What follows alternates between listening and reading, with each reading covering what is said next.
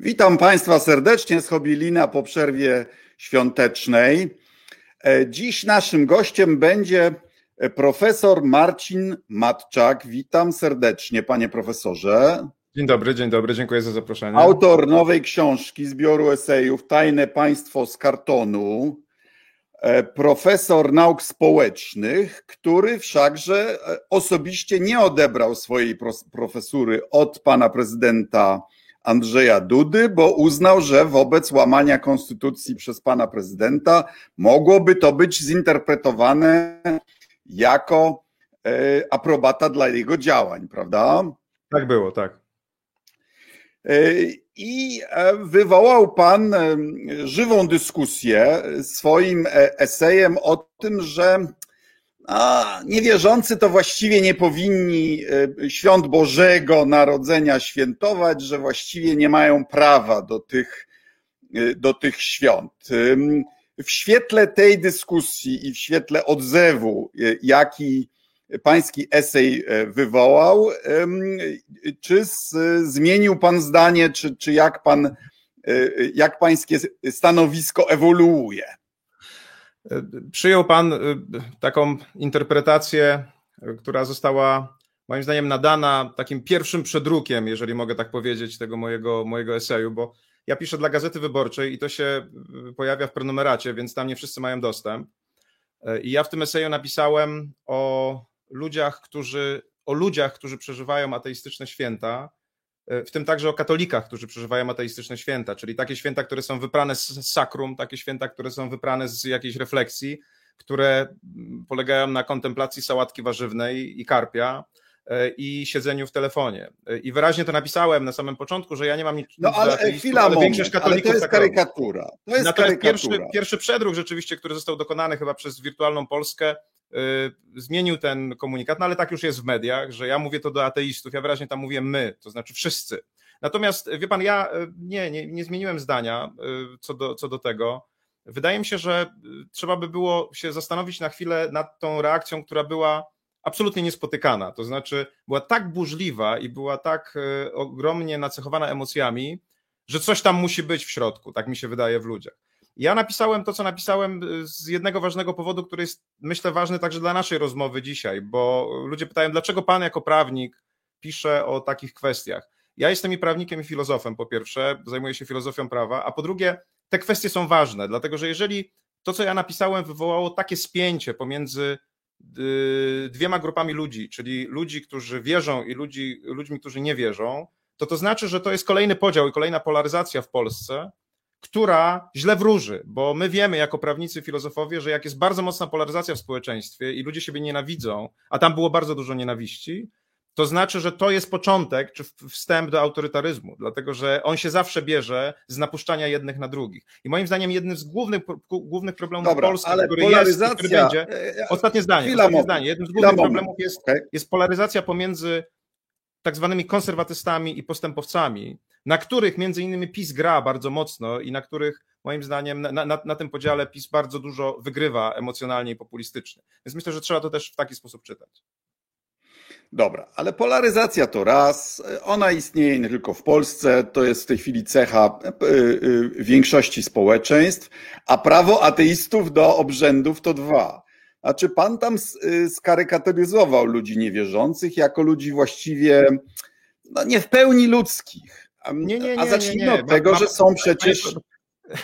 Ma pan jakiś cytat, który może to potwierdzić? nie, proszę pana, ja nic takiego nie zrobiłem. E, co więcej, w drugim tekście, który napisałem, pokazałem, że bardzo często e, ci, którzy są ateistami, właśnie dokładnie tak robią. To znaczy, jeżeli Jacek Denel pisze o tym, że wiara katolicka sprowadza się do homofobii i święcenia jaj, to jest cytat.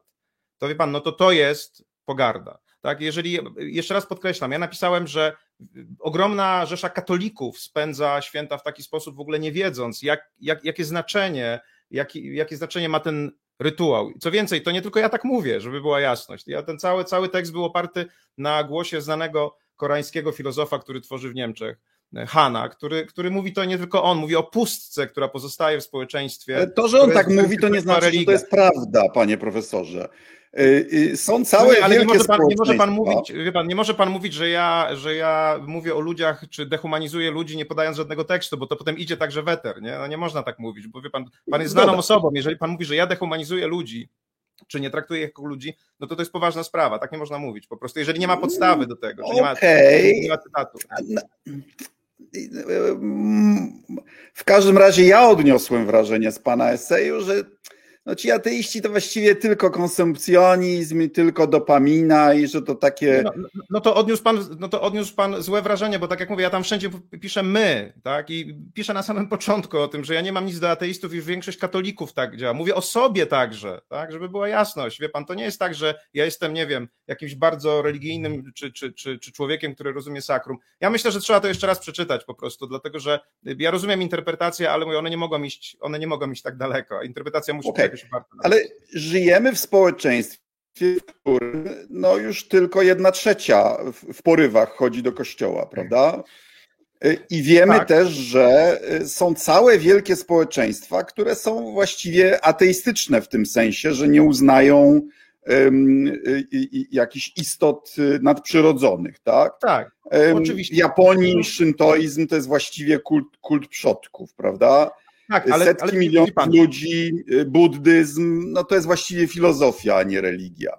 Y, Nasi okay. sąsiedzi Czesi od wielu y, dekad są najbardziej ateistycznym krajem w Europie, a statystyki przestępczości czy poziom populizmu mają podobne albo lepsze od nas, prawda?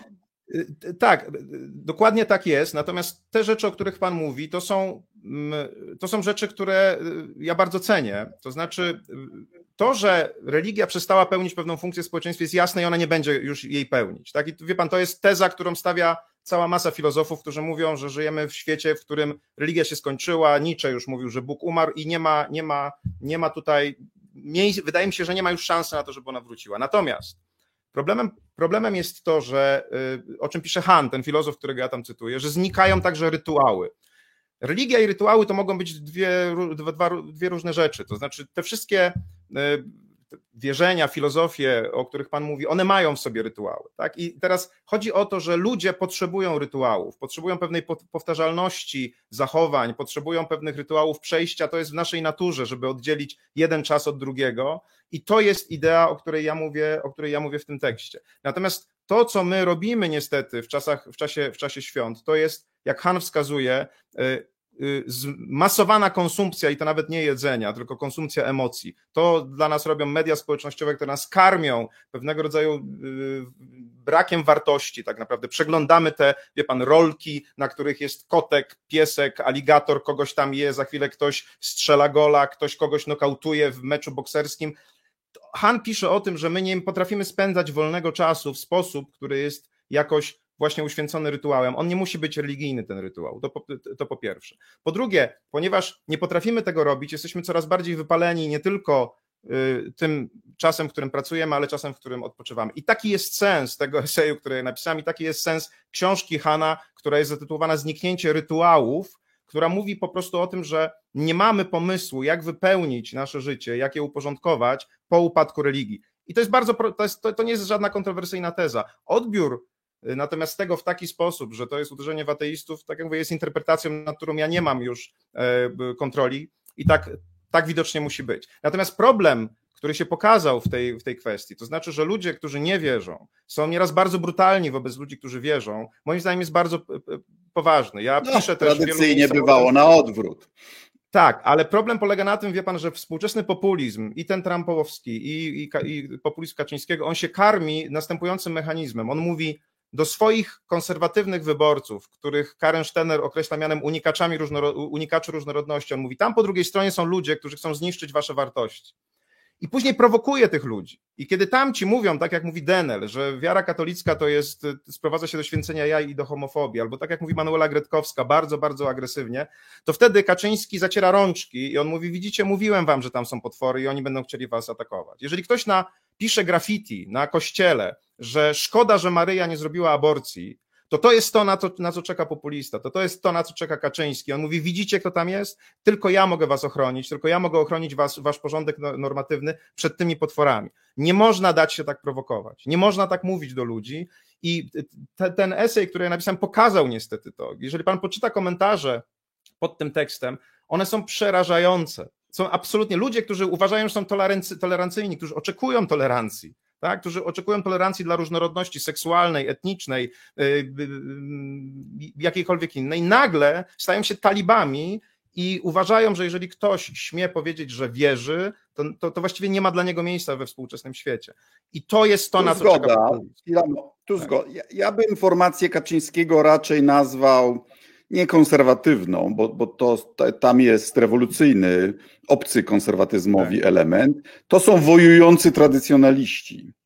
Ja bym powiedział, że to są populiści, którzy instrumentalizują tradycję, którzy wykorzystują tradycję, no. bo akurat ona no. akurat działa. Natomiast to nie są ludzie, ma pan rację, z natury konserwatywni. Oni akurat to robią, no. dlatego że, że to działa. Na przykład, nie wiem, chcą uchwalić ustawę o ochronie praw chrześcijan nie dlatego, że czują się zaatakowani, tylko wiedzą, że to im przysporzy głosów. Ale zgoda. my musimy się ja zastanowić, się z panem też zgadzam, że w społeczeństwie liberalnym nie w sensie wąskim, tylko w sensie szerokim, e, konserwatyści, tradycjonaliści też powinni czuć się bezpiecznie i, i, powinni się przede wszystkim czuć bezpiecznie w swoich miejscach kultu. I że takie prowokowanie jest, e, jest obraźliwe, bezsensowne i kontrproduktywne. Ale pan napisał co innego. Pan napisał, że, że ateiści Y, nie powinni podszywać się, jeśli mogę takiego mocnego y, słowa użyć, pod tradycję, w którą już nie wierzą. No pan cytat, co napisał? Cytat, cytat. Okej. Okay. No. nie, ja jeszcze no raz. Nie, nie, będę teraz szukał. Być może to jest Pana tak interpretacja. Być może to, jest, być może to jest interpretacja tego, co, co Pan usłyszał od innych. W moim nie, tekście ja jest na początku taki tekst. Tak, tak, tak, takie zdanie. Nie mam nic do ateistów. Ale większość katolików spędza święta w sposób ateistyczny. Tak? I wszędzie, jeżeli pan to sprawdzi, wszędzie pisze, używając zaimka my, my, nie wy ateiści, tylko my. To wirtualna Polska, ale, która przedawała ale, ale proszę się nie bać tego, to znaczy to jest ciekawa nie, ale ja się tego nie boję, tylko wie, ja nie lubię jak ktoś przekręca to, co ja mówię, bo ja dużo, dużo, dużo pracy wkładam w to, żeby te słowa gdzieś tam popłynęły, żeby one miały, żeby one miały właściwy charakter, no i później po prostu, jeżeli ktoś się przekręca, to jest mi niemiło, o tak bym powiedział. Dobrze, ale temat jest, mianowicie, nie, no, czy postchrześcijanie mają prawo do chrześcijańskich obrządków? Mają, mają. Co no. więcej, potrzebują rytuałów. Tylko wie pan, na przykład w jednym z komentarzy, tutaj nawet ktoś pisze, pan Włodzimierz Pieczątkowski pisze y, w komentarzu, dla mnie i dla wielu moich znajomych, z którymi spędzam święta, święta to czas wolny, który możemy spędzić razem. Super. O to chodzi. Tylko problem jest taki, że wielu ludzi nie spędza świąt razem, albo nawet jak spędzają święta razem, to każdy z nich siedzi w swoim telefonie i tak naprawdę są fizycznie ze sobą, natomiast są y, psychicznie zupełnie gdzie indziej. To jest taka wigilia Wi-Fi, można tak ją nazwać. I teraz istotą religii przez wieki było to, że ona pozwalała ludziom być razem, nawet bez względu na to, czy wierzyli, czy nie, ale ona jednak miała pewne rytuały, które powodowały, że ludzie się spotykali, że ludzie ze sobą byli. Han pisze, że współczesna technologia oddziela ludzi od siebie. Tak? Kiedy przychodzimy i właściwie po chwili wszyscy siedzą w TikToku, wszyscy siedzą w, w, w, na Instagramie, to ci ludzie są tylko pozornie razem. Tak? Co więcej, jeżeli mamy święto, które ma być czymś nadzwyczajnym, a ono jest tylko i wyłącznie przerwą od pracy, to ono się niczym nie różni od soboty, od zwyczajnej soboty. I Han też o tym pisze, że święta, także święta narodowe, bo to nie chodzi tylko o święta religijne, one powinny być momentem, w którym ludzie są razem i czują, że wierzą w jakieś wspólne wartości. Kiedy pan popatrzy na święto niepodległości w Stanach Zjednoczonych, to to jest inne święto niż nasze święto. Tak? Mimo, że tam także są polaryzacje, to znajduje się pewien obszar wartości, który ludzi łączy, a nie dzieli. Tak? To, to jest jakiś taki, można powiedzieć, świecki rytuał, oczywiście, święta narodowego. U nas święto narodowe dzieli ludzi, nawet święto narodowe potrafi dzielić, dzielić ludzi, niepodległości. My, my wtedy dopiero podkreślamy to, co jest różne. I, i tak naprawdę jeżeli pan popatrzy na źródło słów słowa religia, to ono ma związek z łączeniem ludzi. Oczywiście tak nie zawsze było. Nawet często tak nie było. Natomiast nie mamy mechanizmu, nie mamy wartości, które dla nas są wspólne. Bo we współczesnym świecie ludzie indywidualnie szukają sobie wartości i każdy ma inne. I dlatego brakuje przestrzeni, w której możemy się poczuć wspólnotą. Tak jak mówię, największym symbolem dla mnie jest 11 listopada, który jest właściwie wojną polsko-polską, a nie sytuacją, kiedy ludzie mogą wokół jakichś wartości się zgromadzić. Dobra, to jest problem. Wróćmy do mojego pierwszego pytania i do pańskiego tekstu. Rozumiem, że tytuł mógł być od redakcji ale y, zaczyna pan tak. Ateistyczne święta to samo oszukiwanie się człowieka zagubionego w sekularnym do cna świecie. I potem mówi pan, um, y, ateiści, święta bez y, rzeczywistego świętowania to więc problem o wiele szerszy. Ateistyczne święta to nędzna proteza prawdziwego świętowania, które prawdopodobnie nie jest już możliwe. Szuka pan, szuka pan zdania, które odnosi się do ateistów. No, no właśnie znalazłem. Tego zdania. No właśnie, przed, właśnie, właśnie nie, nie. zacytowałem. Ateistyczne święta, ateistyczne święta, jak pan przeczyta dalej, to są święta, które obchodzą także katolicy. To, proszę przeczytać to zdanie. Tam jest napisane wprost. Nie mam nic do ateistów tak? ale większość katolików obchodzi w taki sposób święty. Jest takie zdanie, na 100%. No, napisał pan, ateistyczne święta to samo oszukiwanie się człowieka tak, w sekularnym na świecie. Tak, to nędzna proteza prawdziwego świętowania, święta. które prawdopodobnie święta, nie jest już możliwe. Tak. Nieważne. Y, rozumiem, że, czym, że, że nie napisałby pan tego inaczej w tej chwili. Proszę pana, ja, ja myślę, że w ogóle takie oczekiwanie dotyczące rzeczy następującej. Ktoś coś napisał, ktoś to w jakiś sposób zrozumiał, ktoś bardzo mocno to skrytykował. I teraz, jeżeli, no nie wiem, czego, czego, czego ten ktoś oczekuje, znaczy tego, że ja przyjdę i wycofam się z tego, co powiedziałem, dlatego, że kogo, komuś się to nie spodobało. Ja chciałem, żeby to się nie spodobało. Wie pan, ja mogłem napisać esej, który byłby zatytułowany Wesołych Świąt, kochajmy się, ale to nie byłaby prawda dlatego że mamy problem w społeczeństwie. Mamy problem, który bardzo mocno tutaj wybrzmiał. I dopóki tego problemu nie rozwiążemy, to PiS zawsze z nami będzie, bo wie pan, nawet jak opozycja wygra wybory, to nagle ci ludzie, te 30% unikaczy różnorodności, którzy boją się świata, którego nie rozumieją do końca, którzy mieszkają w mniejszych miejscowościach, oni zostaną. I nawet jeżeli Zbigniew Ziobro zostanie postawiony przed y, Trybunałem Stanu i Kaczyński także, to za chwilę będzie jakiś Kowalski albo jakiś Nowak, który ich, którzy ich zastąpią, dlatego że oni tym się karmią.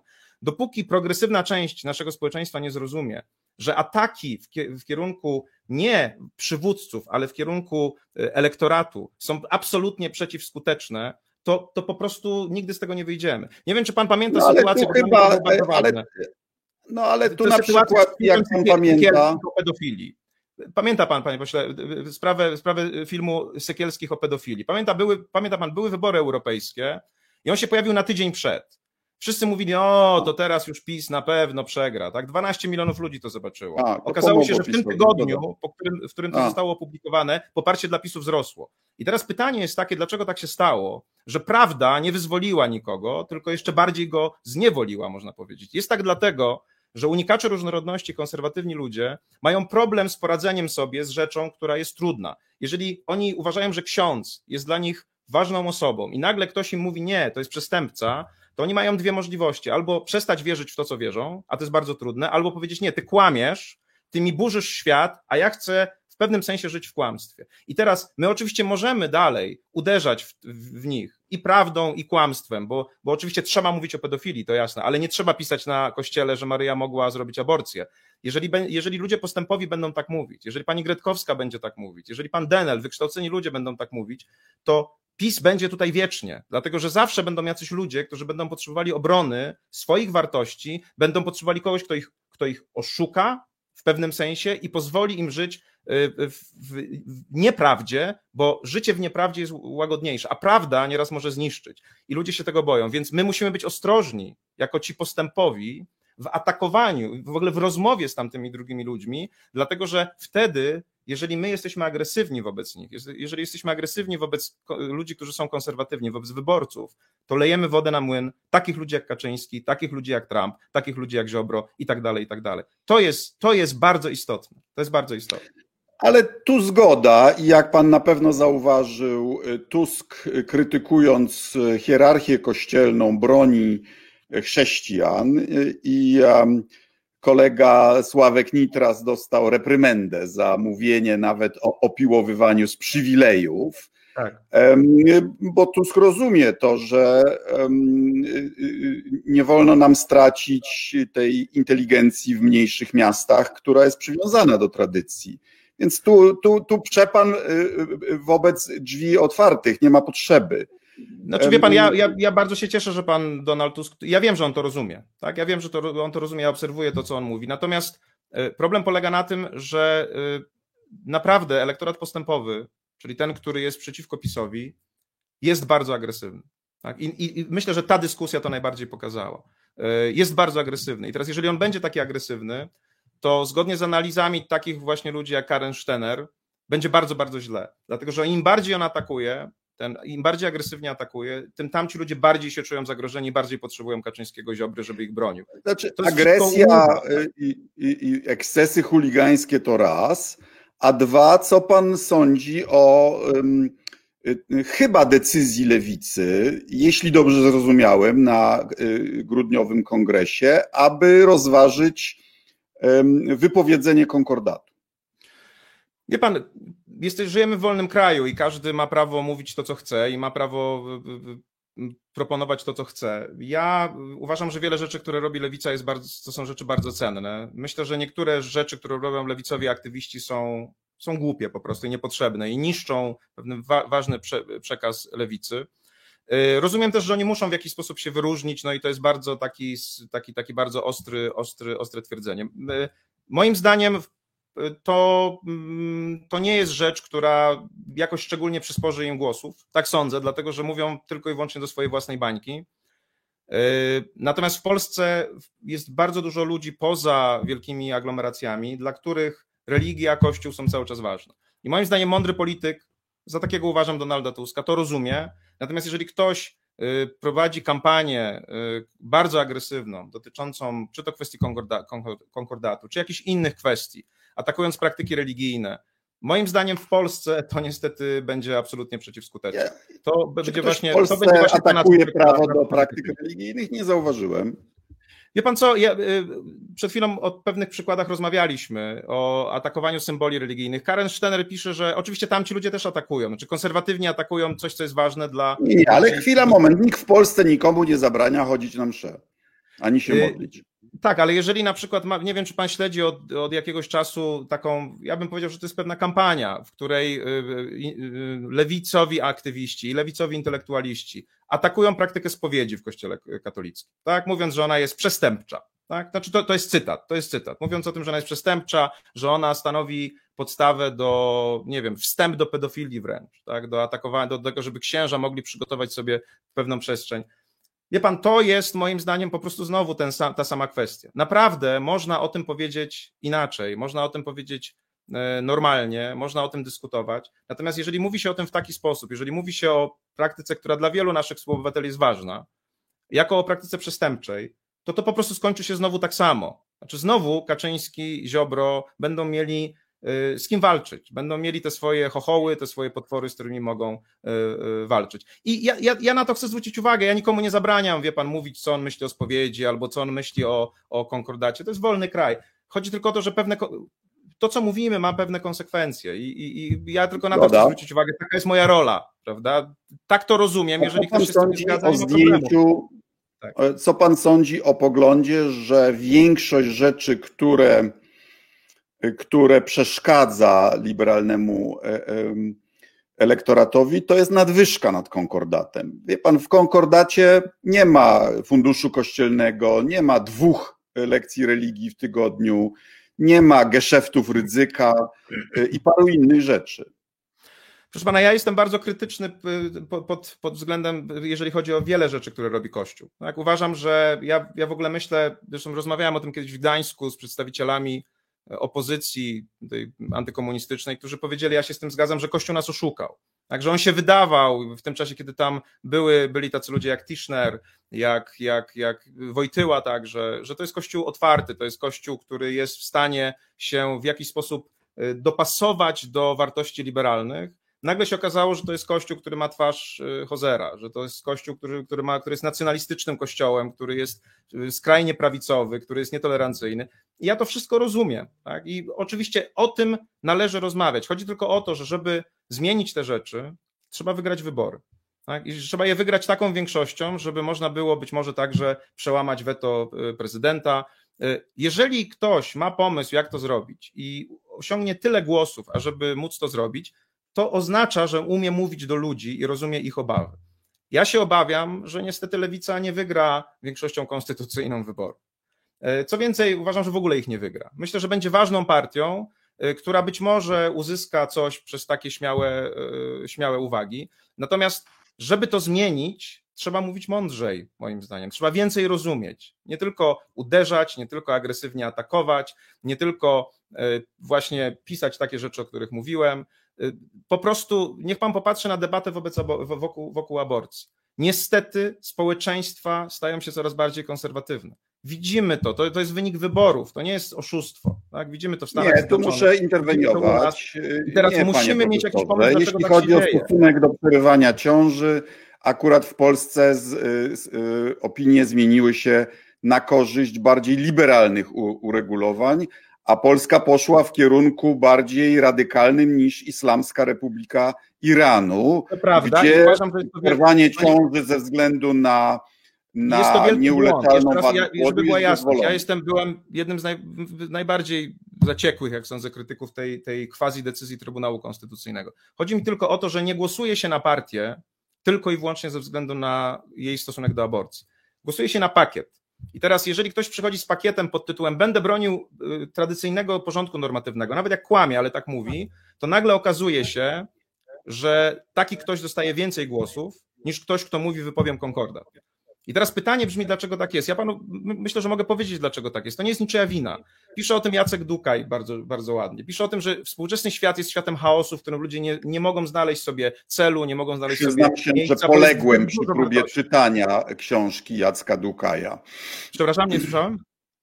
E, przyznam się, że intelektualnie poległem przy próbie przeczytania książki. E, Ale to nie tylko Dukaj, to nie tylko Dukaj o tym mówi. Wie pan, to, że świat staje się coraz bardziej złożony, to moim zdaniem nie jest jakaś teza wybitnie intelektualna, którą trudno zrozumieć. Teraz jak świat się staje bardzo złożony, to ludzie chcą czarno-białych rozwiązań. O tym pisał także Fromm w Ucieczce od wolności. Nie chcą wyboru, nie chcą różnorodności, tylko chcą kogoś, kto im powie, ci są dobrzy, ci są źli. Tak mówią konserwatyści, dlatego że oni w taki sposób dzielą sobie świat i dlatego wygrywają. Teraz, jeżeli ktoś przychodzi i mówi, nie, ja będę promował na siłę tak naprawdę różnorodność, ja będę agresywny, ja nie będę wprowadzał spokoju, no ale okazuje się, że taki ktoś, wojujący aktywista jest odrzucany przez współczesne społeczeństwa. Właśnie dlatego, że on zamiast wprowadzać spokój i orientację w pełnym chaosie świata, powiększa ten chaos. Bo konflikt, agresja to jest powiększenie chaosu. I ja naprawdę na tym poziomie chcę to rozpatrywać. Tak? I są ludzie, którzy potrafią społeczeństwo uspokoić w taki sposób, który nie jest populistyczny, który nie jest groźny, ale niestety jest więcej ludzi, którzy uspokajają społeczeństwo, tak jak robi to Kaczyński czy Trump, poprzez nienawiść do kogoś innego, bo nagle ci ludzie się jednoczą w tej nienawiści. Tak? I, tak to działa. I mi chodzi tylko o to, że jeżeli my tego nie zrozumiemy, mówię tutaj my, czyli ludzie, którzy myślą postępowo, dla których wolności, prawa człowieka są ważne, tylko będziemy tkwić w tej agresji, będziemy powiększać ten chaos poprzez atakowanie tych ludzi, to po prostu będziemy ciągle strzelać sobie w stopę. I o to mi tylko chodzi. Dobra, dobra to już sobie powiedzieliśmy. Czy zgodziłby się pan z tak sformułowaną tezą prowokacyjnie, że jedna trzecia Polaków wierzy w zamach smoleński, jedna trzecia ufa telewizji pisowskiej, jedna trzecia chodzi do kościoła i jedna trzecia głosuje na PiS i to jest ta sama jedna trzecia. Nie do końca, chociaż to, to tutaj może być trochę prawdy. Y, wie pan, zamach smoleński to jest doskonały przykład tego, jak ludzie, którzy nie mogą sobie poradzić z taką tragedią, bo ona jest dla nich niewyobrażalna. Jak to się może stać, że 100 najważniejszych osób w państwie nagle ginie, uciekają w teorie spiskowe, bo teoria spiskowa pan jest przyjemna w pewnym sensie. Ona mówi, nie, to nie mógł być przypadek, bo jeżeli to jest przypadek, to wszystko jest możliwe. To mnie także ten przypadek może spotkać, jak wyjdę na ulicę i ja już nie jestem w stanie sobie z tym poradzić.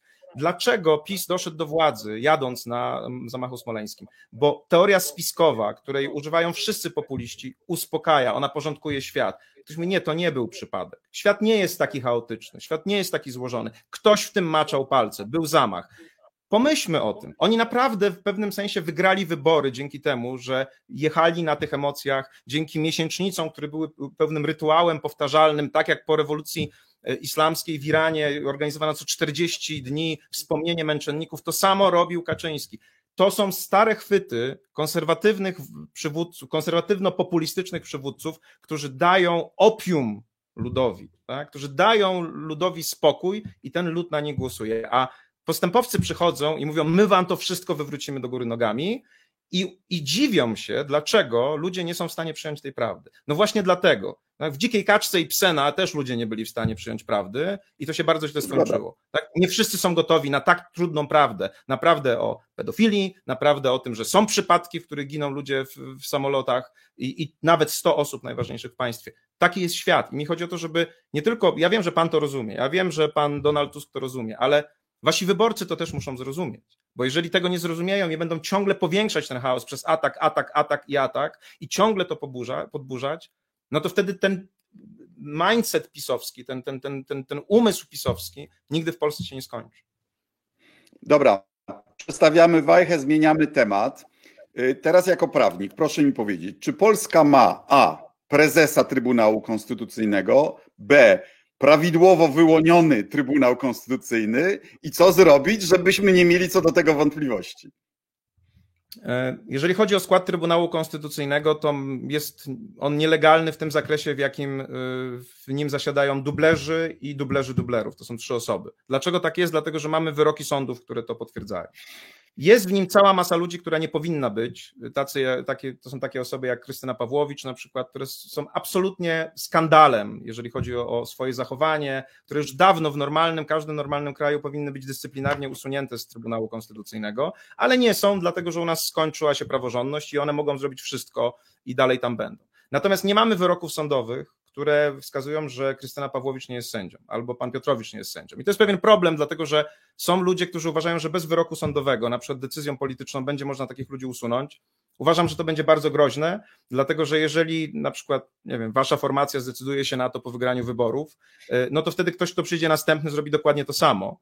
I wtedy już zawsze Trybunał Konstytucyjny będzie spółką Skarbu Państwa, będzie po prostu łupem politycznym. Więc tak jak tak jak bardzo uważam, że Krystyna Pawłowicz jest obrazą dla tego Trybunału Konstytucyjnego, to nie chodzi mi o nią, tylko chodzi mi o instytucję, bo jeżeli zaczniemy sobie swobodnie usuwać sędziów Trybunału Konstytucyjnego, to już nigdy w Polsce nie wróci demokracja, już nigdy nie wróci e, praworządność. Jeżeli chodzi o prezes Trybunału, to jako zespół ekspertów prawnych Fundacji Batorego, którego jestem członkiem, wydaliśmy takie stanowisko, z którego wynika, że kadencja e, e, pani Przyłębskiej się skończyła 20 grudnia wynika to jasno z prawa. Nie mamy w polskim prawie procedury usunięcia jej, bo to jest najwyższy sąd i muszą być takie najwyższe sądy, a ponieważ nie mamy przyzwoitości i praworządności, no to ona tam zostanie.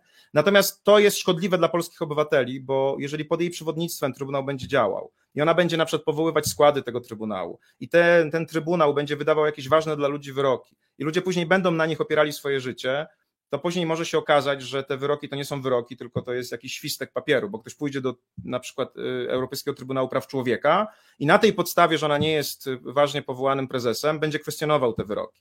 Więc to będzie zupełne rozwalenie znowu stabilności prawa, y, porządku prawnego, praworządności. I w ten sposób chcę to jasno powiedzieć, Julia Przyłębska działa na szkodę zwyczajnego człowieka, który przychodzi do takiego trybunału i potrzebuje od niego jakiegoś wyroku. Tu nie chodzi o nią tylko i wyłącznie, tu nie chodzi o praworządność, tu chodzi o to, żeby sąd mógł dać coś, na czym ludzie mogą oprzeć swoje życie. Tak samo jest z neosędziami. Tak? Oni decydują o ludzkich losach, o rodzinie, o to, czy ktoś ma prawo do opieki nad dzieckiem, o rozwodach, o domach.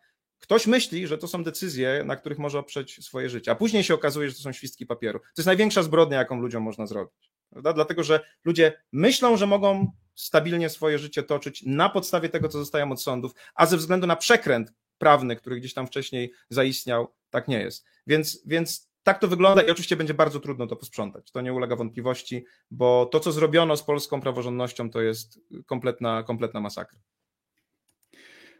To, co zrobiono z Trybunałem, jest ilustracją szerszego zjawiska, wedle mnie. To znaczy, PiS wygrał wybory za pierwszym razem fuksem, za drugim razem w ogóle minimalną większością i miał mandat do rządzenia, ale nie miał mandatu do zmieniania ustroju. Oczywiście. Bo na to potrzeba większości konstytucyjnej. A mimo to zmienia ustrój w szeregu dziedzin.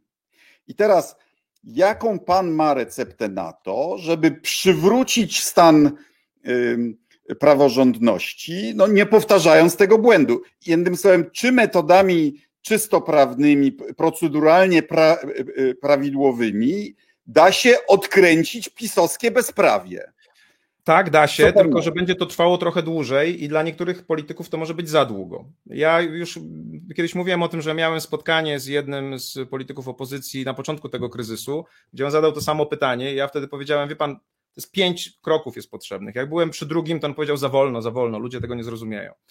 I to jest, to jest problem, bo jeżeli my będziemy leczyć dżumę cholerą, to znaczy jeżeli, tak jak wiesz, sobie odwołał sędziów tych tych, tych, którzy zostali powołani e, wcześniej, w 2015 roku Trybunał uchwałą Sejmu i teraz jeżeli, nie daj Boże, opozycja zrobi to samo, no to, to naprawdę już nie będzie co zbierać. Bo proszę pamiętać, że no przecież ta opozycja nie będzie rządzić wiecznie. Tak? Ktoś przyjdzie później. Ktoś, jeżeli będzie w Polsce recesja, to, to ktoś może być o wiele gorszy nawet niż Kaczyński. I wtedy będzie miał, miał naprawdę drogę do autorytaryzmu wyłożoną e, płytkami tak, na boso będzie mógł po niej, po niej sobie przejść. Mi chodzi o to, że jeżeli, nie tylko mnie, ale, ale prawnikom, którzy o tym myślą, jeżeli będzie się naprawiało państwo prawa bezprawiem, to to będzie jeszcze gorsza sytuacja niż ta, z którą mamy do czynienia. I ja rozumiem emocje, które są z tym związane, bo ktoś mówi, no ale jak to, proszę pana, czy tak Pawłowicz ma być w tym trybunale?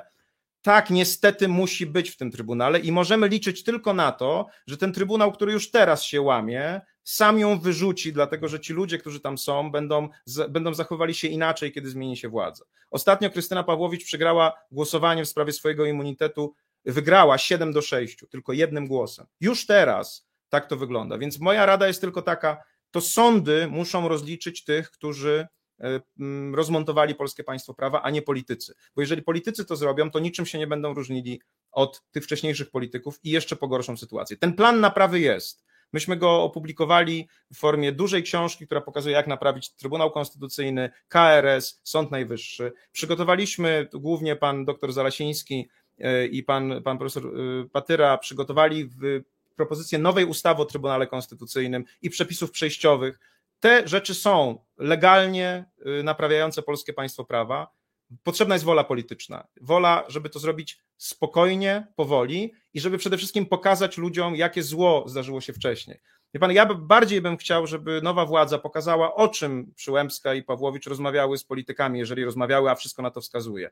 Kto próbował wpływać na to, co Trybunał y, tak naprawdę robił. Ludzie muszą zobaczyć zło, a nie tylko karę. Czyli muszą zobaczyć przestępstwo, a nie tylko, a nie tylko karę. Bo jak zobaczą karę, to zawsze znowu pojawią się spiskowe teorie, a może znowu tam, prawda, ktoś no, chciał ale przekręcić ich Chwila, moment. Trzeba moment. pokazać zło przede wszystkim. Chwila, moment. Pokazanie zła niekontrowersyjne. Ale przecież nie chodzi o karę, tylko chodzi o to, że jest instytucja, która może kompletnie zblokować następny rząd, bo może wszystkie ustawy y, naprawiające państwo kwestionować, no i co do której wy, prawnicy, y, różnicie się opiniami co do tego, jak sobie z tym poradzić. No bo jest na przykład y, znana panu oczywiście opinia też profesora y, tak. Wojciecha Zadurskiego, który mówi, że cały Trybunał Konstytucyjny jest zainfekowany i że w związku z tym cały jest do wymiany. Co pan na to? Ja już wielokrotnie się wypowiadałem w tej kwestii. Różnimy się z profesorem Sadurskim co do oceny tej sytuacji. No, tak często jest, że prawnicy się różnią. Natomiast, wie pan, nie można zmieniać y, państwa na podstawie opinii prawnych. Trzeba mieć wyrok trzeciej władzy, dlatego że taki, na tym polega nasza, nasza, nasza, nasza rzeczywistość, że mamy podział władz i politycy nie mogą stwierdzać czyjejś winy, y, prawnicy też nie mogą stwierdzać czyjejś winy w opinii i nie może to być wiążące. Musi to o tym zdecydować sąd. Jeżeli sąd zdecyduje, nie ma żadnego problemu. Natomiast kiedy słucham tego, co pan mówi, że ten, ten trybunał będzie blokował, to chciałbym pana zapytać, czy uważa pan, że to będzie jakiś imposybilizm prawny? Czy to będzie coś w rodzaju imposybilizmu prawnego? To może być po prostu zwykła polityczna złośliwość. To znaczy... Wie pan, ja, wie pan, ja trochę oczywiście pana prowokuję i tutaj zostawiam na pana pułapkę, bo o imposybilizmie prawnym mówił Jarosław Kaczyński 2005-2007. Mówił, ja tutaj mam, chcę coś robić, a ten Trybunał mi nie wiem, pozwala tego robić, bo jest, jest, jest oporny. I teraz Byłem moim zdaniem... w jego rządzie, Tak, paradoksalnie, no to może dlatego, paradoksalnie pan mówi trochę językiem Jarosława Kaczyńskiego, będzie imposybilizm, my będziemy chcieli coś zrobić, a tutaj Trybunał będzie nam przeszkadzał. Wtedy profesor Safian powiedział, Trybunał jest po to, żeby przeszkadzać. Ja wiem, że to jest bardzo trudne do zrozumienia, ale takie sytuacje były w historii. Ja, ja napisałem tekst o tym, że prezydent Roosevelt miał jest... problem z Sądem Najwyższym, który mu blokował reformy New Dealu i sobie jakoś z tym Amerykanie poradzili, bez wyrzucania sędziów, chwila bez moment, dodawania sędziów. My też możemy Nam też Panie profesorze, nam też Trybunał y, Konstytucyjny różne rzeczy blokował. Przypominam chociażby ustawę o redukcji 10% etatów w administracji publicznej, którą nam Trybunał y, Konstytucyjny odrzucił.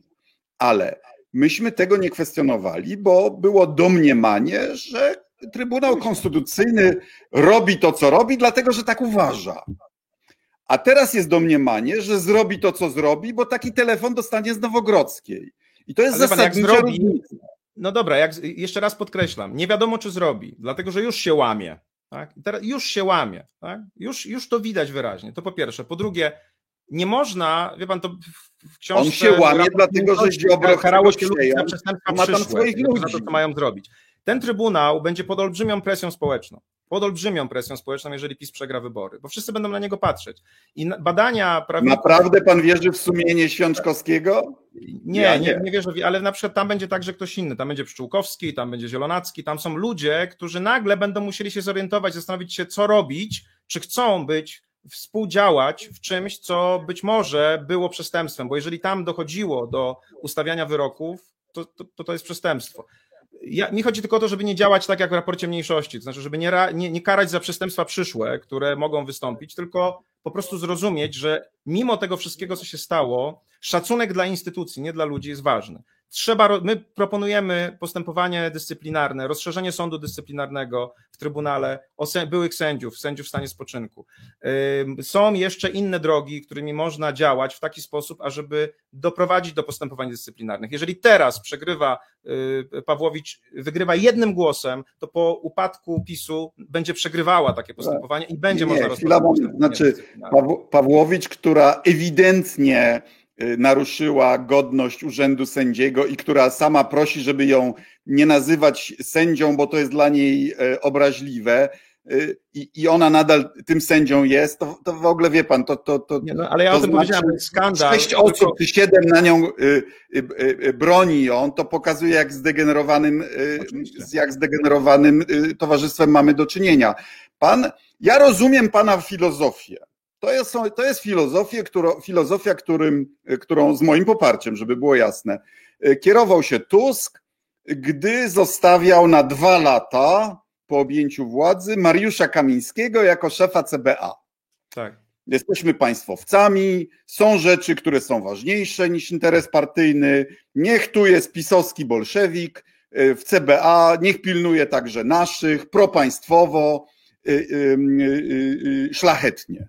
I wiemy, jak się skończyło. To znaczy, są ludzie, dla których interes stadny ich grupy jest ważniejszy od interesu państwa i nie ma co liczyć na to, że oni się zmienią. Ale dobra, ale porozmawiajmy o tym. Co się stało takiego w związku z tym, że Kamiński został na stanowisku? Czy przez to przegraliście wybory w 2015 roku? Czy to był czynnik, e, przez który przegraliście wybory? Znaczy, ludzie CBA zaangażowali się w politykę, zamiast, zamiast nie, pilnować ja. Ja rozumiem, tak, oczywiście rozumiem. Tak samo tym, dzisiaj ma pan już ile? Ze 2000, ze 2000 już sędziów mianowanych przez neo-KRS.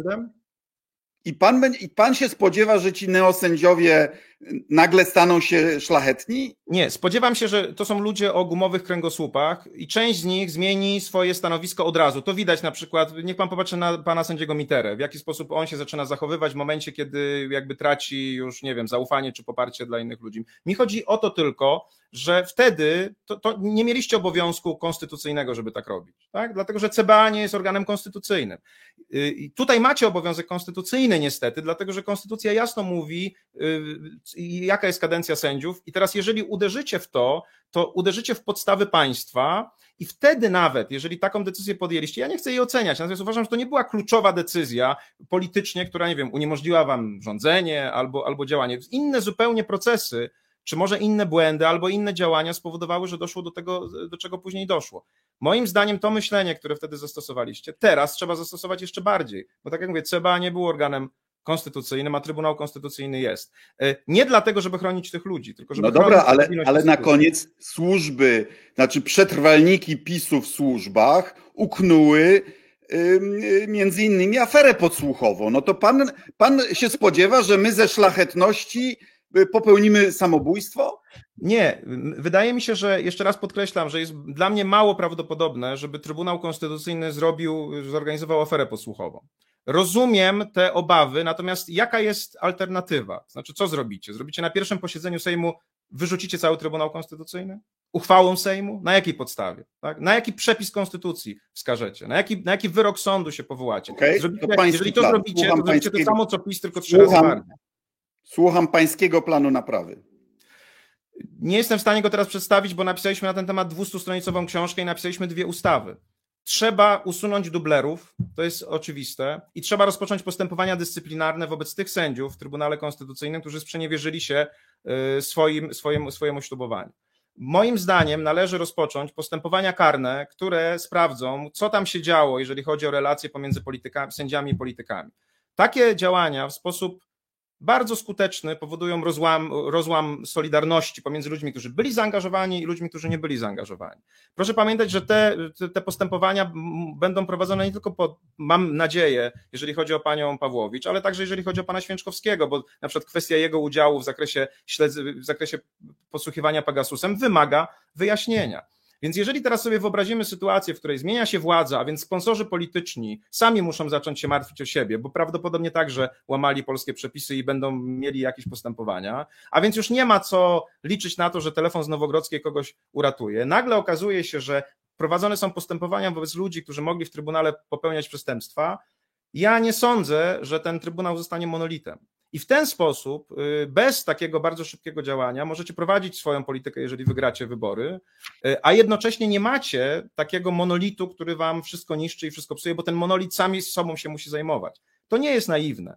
To jednocześnie osłania y, instytucje, bo je nie niszczy od razu. Z drugiej strony powoduje, że ci ludzie, którzy tam są, oczywiście ich tam nie powinno być, pokazują, dlaczego ich nie powinno być, bo proszę mi wierzyć, to nie są ludzie, z, to są ludzie z gumowymi kręgosłupami, którzy nagle zmienią swoje stanowisko i to się wszystko posypie. I to się wszystko posypie. Historia nas tego uczy. Mamy takie A... przykłady, że pod presją społeczną prawdziwi sędziowie też odpuszczają. Tak jak mówię, czterech jeźdźców tak zwanych, czyli czterech konserwatywnych sędziów, którzy nie, nie pozwalali Rooseveltowi rządzić po tym, jak wygrał e, po Wielkiej Depresji, nagle zmieniło zdanie. Mamy dowody na to, że sądy nigdy długofalowo nie sprzeciwiają się opinii publicznej. Tak? W związku z tym tutaj też nie będą się sprzeciwiać. Moim zdaniem nie możecie się, nie możecie myśleć ciągle, że Trybunał będzie rejtanem, który będzie wam wszystko blokował i na tej podstawie prewencyjnie go rozwiązać, dlatego że to po prostu będzie, będzie nadreakcja. Dobra, to Trybunał, rozumiem pańskie stanowisko, a tysiące awansów, czasami nieuzasadnionych z ramienia neo-KRS? No, no, tutaj mamy procedury, tak jak mówię, już nawet ta ustawa ostatnia, prawda, wprowadza możliwość tego testu mi chodzi tylko o to, wie pan, żeby nie. Nap... Ja już o tym wielokrotnie mówiłem. Państwo prawa jest jak złożony mechanizm, jak zegarek. Nie da się go naprawić młotkiem albo baseballem. Trzeba go na nowo uregulować. Nie masową, wspólną, zbiorową odpowiedzialnością, nie wiem, wszystkich sędziów Trybunału, wszystkich neosędziów, tylko takim działaniem, które powoduje, próbuje naprawić to państwo punktowo. Ja wiem, że to politycznie jest mało spektakularne, bo ludzie potrzebują emocji, nieraz nawet potrzebują zemsty. Jest taka, podnoszą się takie głosy, ale rozsądny polityk, państwowiec wie, że taka zemsta niszczy państwo na bardzo, bardzo długo i myśli nie tylko o swoich czterech latach, tylko o następnych 10, 20 czy 30. I mi chodzi o to, żeby mieć taką perspektywę, żeby zastanowić się, co zrobi na przykład Konfederacja, jeżeli w głębi, w głębi kryzysu ekonomicznego, który może nastąpić, wygra następne wybory, tfu, tfu, odpukać, kiedy będzie miała za sobą to zrobił PiS, i to, co ewentualnie zrobi opozycja, czyli rozwalenie wszystkich instytucji po wygraniu wyborów. To będzie, jak to kiedyś nazwałem, syndrom Abby, tak? Zwycięzca bierze wszystko. I tak się kończy demokracja. Po prostu tak się kończy demokracja. Dlatego, że każdy następny właściwie nie ma powodu, żeby nie przejąć trybunału, trybunałów sądów, dokładnie tak, jak, jak się teraz przejmuje spółki Skarbu Państwa, jeżeli poprzednicy tak zrobili. I dlatego tego nie wolno zrobić. Ja, się, ja podzielam pańską filozofię w, w dużym stopniu ale boję się o jej praktyczne skutki, tak jak już sobie powiedzieliśmy, bo to jest trochę program wyciągania się z bagna za własne włosy. Czy pan naprawdę wierzy, że telewizja polska jest sama siebie w stanie uzdrowić. No, no nie, Czy ale pan, pan telewizja polska, wierzy, że telewizja polska prokuratorzy, którzy teraz robią śledztwa na telefon i, i e, zatwierdzają te wnioski o użycie Pegasusa, że oni sami się y, y, nie, y, nie przywrócą tak, ale, sobie. Ale, ale nie możemy mieszać porządków. Nie możemy mieszać porządków. Trybunały i sądy są chronione konstytucyjnie. Telewizja i prokuratora nie jest chroniona konstytucyjnie. To są dwie zupełnie różne rzeczy. Nie, wszystkich, nie, nie mówimy tutaj o wszystkich instytucjach. Mnie chodzi tylko o to, że jeżeli złamiecie konstytucję, no właśnie na przykład wyrzucając sędziów z Trybunału Konstytucyjnego, to to się straszliwie zemści. W zakresie telewizji, w zakresie prokuratury możecie działać w sposób, który jest, ma, ma więcej, macie tam więcej przestrzeni, bo one nie są regulowane konstytucyjnie pytanie jest takie, no, pa, trzeba pamiętać, że jest jeszcze prezydent, tak? No więc no, niestety no, taka jest rzeczywistość. Wiele razy rządy musiały rządzić tak, że miały prezydenta, który jest z przeciwnego obozu. Unieważnicie wybory prezydenckie? No, są takie głosy też, tak, że nie wiem, no ponieważ SN, Izba, Izba Kontroli y, y, była powołana przez KNO-KRS, no przecież to, jeżeli doszłoby do takiej sytuacji, to nigdy już w Polsce znaczy, prezydent nie, pan, nie będzie mógł bezpiecznie, bo zawsze znajdzie się jakiś powód, żeby go odwołać. Mi chodzi o prezydent. taką lawinę, wie pan, nielegalności, która po prostu doprowadzi do kompletnej katastrofy. Ale czy zgodzi się pan z, e, z, tym, że prezydent powołując dublerów też złamał konstytucję? Tak, no to, no to trzeba go postawić przed Trybunałem Stanu. No i wtedy ktoś powie, no tak, ale to trzeba mieć głosy. No właśnie tak, trzeba mieć głosy, to znaczy wszyscy, nie tylko jedna strona sceny politycznej musi być przekonana, że to jest naprawdę zło i że trzeba to zrobić. Na tym polega państwo. Pan, wydaje mi się, że to jest tak, że my jesteśmy często w bańkach i nam się wydaje, że jak coś dla nas jest słuszne, to dla wszystkich jest słuszne. Jeżeli, jeszcze raz podkreślam, te 30% wyborców PiS zostanie i oni, jeżeli wy złamiecie prawo, to oni będą mieli poczucie krzywdy i będą chcieli się zemścić. I tak będzie to już trwało. W związku z tym właśnie po to trzeba mieć większość konstytucyjną, żeby takich rzeczy dokonać. No tak jak mówię, możecie wyrzucić wszystkich sędziów Trybunału Konstytucyjnego, ale musicie mieć większość konstytucyjną. Pan powie, no dobrze, ale to jest niemożliwe. Właśnie dlatego jest niemożliwe, że jak macie, dostajecie taką większość konstytucyjną, to znaczy, że to jest bardziej obiektywne to, co mówicie, a więc, że większość społeczeństwa to popiera i nie ma ryzyka rozpadu. Natomiast jeżeli zrobicie to y, wygrywając wybory 30% czy 35%, no to dokładnie będziecie chcieli zrobić to, co zrobi PiS. Ja, ja rozumiem Pańskie stanowisko i ja bym 10 lat te, temu się z nim y, identyfikował. Ale powiem Panu, na czym uważam polega problem. Że mamy to doświadczenie już pisowskiego bezprawia, pisowskiego łamania konstytucji i teraz, jeżeli strona liberalna y, y, y, nie spowoduje efektu pedagogicznego, że za to wszystko jest jakiś efekt, to będziemy mieli to, co mamy w przestrzeni medialnej. To znaczy, dziennikarze, na przykład w mediach publicznych, boją się PiSu, bo jest brutalny i dlatego wolą uszy po sobie położyć i wykonywać e, polecenia tej quasi-autorytarnej władzy, a liberałom robią na nosie, bo, bo wiedzą, że, ben, że liberałowie będą się zachowywać e, zgodnie z zasadami, o których Pan mówi. I to jest, to jest problem, bo to oznacza, że, że zło ma przewagę. Ale wie, wie, pan, ja bym chciał być tutaj bardzo precyzyjny, bo wydaje mi się, że my się tak naprawdę nie, nie, różnimy bardzo mocno. To zróbcie im audyt, taki jaki oni próbowali zrobić, nic z niego nie wyszło, a tutaj jest co szukać, tak? Niech ludzie, którzy są za to odpowiedzialni, sprawdzą, co się działo właśnie w telewizji polskiej, co się działo w Trybunale Konstytucyjnym, ale nie niszczcie instytucji konstytucyjnych. To się da zrobić. Mi nie chodzi o to, że wy macie odpuścić. Tak?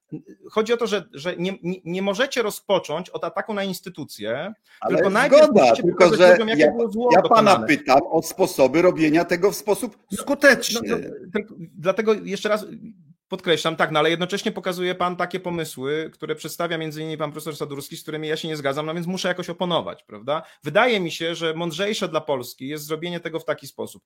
Najpierw pokazać zło poprzez różnego rodzaju działania o charakterze audytowym, jeżeli można tak powiedzieć, bo naprawdę jest dużo do pokazania. W momencie, kiedy to się pokaże, co tam się tak naprawdę działo, to po pierwsze upadnie pewnego rodzaju solidarność tych ludzi, czy jakaś taka chora lojalność, bo nagle ludzie zaczną się martwić o siebie y, samych, a po drugie społeczeństwo zobaczy i poparcie dla tego, co robicie, będzie większe. Dlatego, że ludzie nie są głupi. Kiedy widzą, że y, sędzia czy quasi sędzia pozwalał ustawiać wyroki, dlatego że się spotkał z politykiem, no to wiedzą, co jest złem, a co jest dobre. Chodzi mi o, że wtedy łatwiej będzie dokonać zmian niż w, w odwrotnej sekwencji. To znaczy, najpierw się usunie sędziów z Trybunału Konstytucyjnego, czy w ogóle wszystkich innych sędziów, a później będzie się pokazywało zło. Tego już się nie da odwrócić po prostu. Dlatego moja rada, nie tylko moja, ale tych prawników, którzy w Fundacji Batorego nad tym pomysłem pracowali, jest następująca. Nie odwołujcie sędziów na początku, w ogóle ich nie odwołujcie sami, tylko po prostu pozwólcie, najpierw zróbcie to, co państwo może zrobić, co władza wykonawcza może zrobić. Pokażcie zło, poprzez audyt, poprzez działania śledcze, które miało miejsce, wtedy sytuacja będzie łatwiejsza, bo na przykład łatwiej będzie przeprowadzić postępowania dyscyplinarne albo może nawet postępowania karne, które zakończą się tak, jak w państwie się muszą zakończyć. Ale jeżeli na pierwszym posiedzeniu Sejmu takie propozycje padały, usuniecie wszystkich 15 sędziów Trybunału Konstytucyjnego na podstawie takiej, że on jest zarażony czymś, nie wiadomo do końca czym, to to już się nigdy nie odstanie i każda następna władza będzie miała powód, żeby zrobić dokładnie to samo.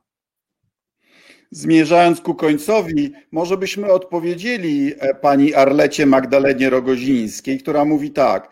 Prokuratura, policja, urzędnicy, sądownictwo nie działają skutecznie przeciw tej stadnej grupie przestępczej. Dlaczego? Bo musieliby uderzyć w swoich członków rodzin i kolegów. I to jest patologiczne. Co pan, co pan na to? no, ta, sytuacja, tak jak mówię, takiej lojalności, która, się powsta, która powstaje w tak zwanych państwach mafijnych, a Polska jest bardzo niestety bliska takiej, takiej, takiej konstrukcji, jest, jest znana. Natomiast wiemy także, jeszcze raz to podkreślam, że ta lojalność upada. W prokuraturze jest dalej bardzo dużo przyzwoitych ludzi, nie tylko sługusów władzy. Tak? I zmiana władzy, która, która jest takim testem, moim zdaniem, który od razu powoduje, że że ludzie, ci, którzy, którzy robili źle, nagle czują się zagrożeni i w sposób naturalny pęka jakaś tam lojalność, bo już nie ma ochrony politycznej. Trzeba pozwolić się temu dokonać, tak? bez ataku na instytucje i w sposób, macie naprawdę dużo narzędzi legalnych, którymi możecie to zrobić. Nie muszą to być od razu działania nielegalne. Więc teraz tak jest i pani Arleta ma rację. Natomiast po zmianie władzy tak nie będzie, dlatego że wtedy zmienia się zupełna dynamika tej chorej lojalności. Jak upada państwo mafijne, to nagle pojawia się wielu świadków koronnych albo kandydatów na świadków koronnych. Wiemy to, że tak jest po prostu. I tutaj też tak będzie. Pozwólcie temu umrzeć po prostu, pozwólcie się temu rozsypać i nie zabijajcie tego przy pierwszym możliwym sposobie, bo potem zrobicie, bo, bo jak zabijecie to, to, to, to, to powstaną męczennicy, prawda? A jeżeli pokażecie całe, całe zło, które, które, e, którego ta władza się dopuściła, to wtedy nikt nie będzie ich żałował. Tak? A tak powstaną znowu pewnego rodzaju y, y, spiskowe teorie, że może tak naprawdę to była zemsta, dla której nie było żadnych podstaw. Najpierw trzeba pokazać zło, a później za to zło ukarać, a nie odwrotnie zaatakować instytucję, bo ona będzie blokowała. Tak, tak nie można robić, moim zdaniem. Dziękuję za żywą i szczerą dyskusję. Państwa jeszcze raz zachęcam do y, przeczytania książki profesora Matczaka Tajne Państwo z kartonu. Bardzo y- dziękuję za rozmowę i cieszę się, że mogłem y, właśnie w taki sposób szczery z Panem porozmawiać. Brakuje takich rozmów. Bardzo dziękuję. Dziękuję. To była rozgłośnia Polska Wolnego Radia Europa. Europejski głos w Twoim domu. Jeśli się Państwu podobało, to proszę o lajkowanie, udostępnianie, szerowanie. Dziękuję bardzo. Do zobaczenia. Miłej reszty weekendu.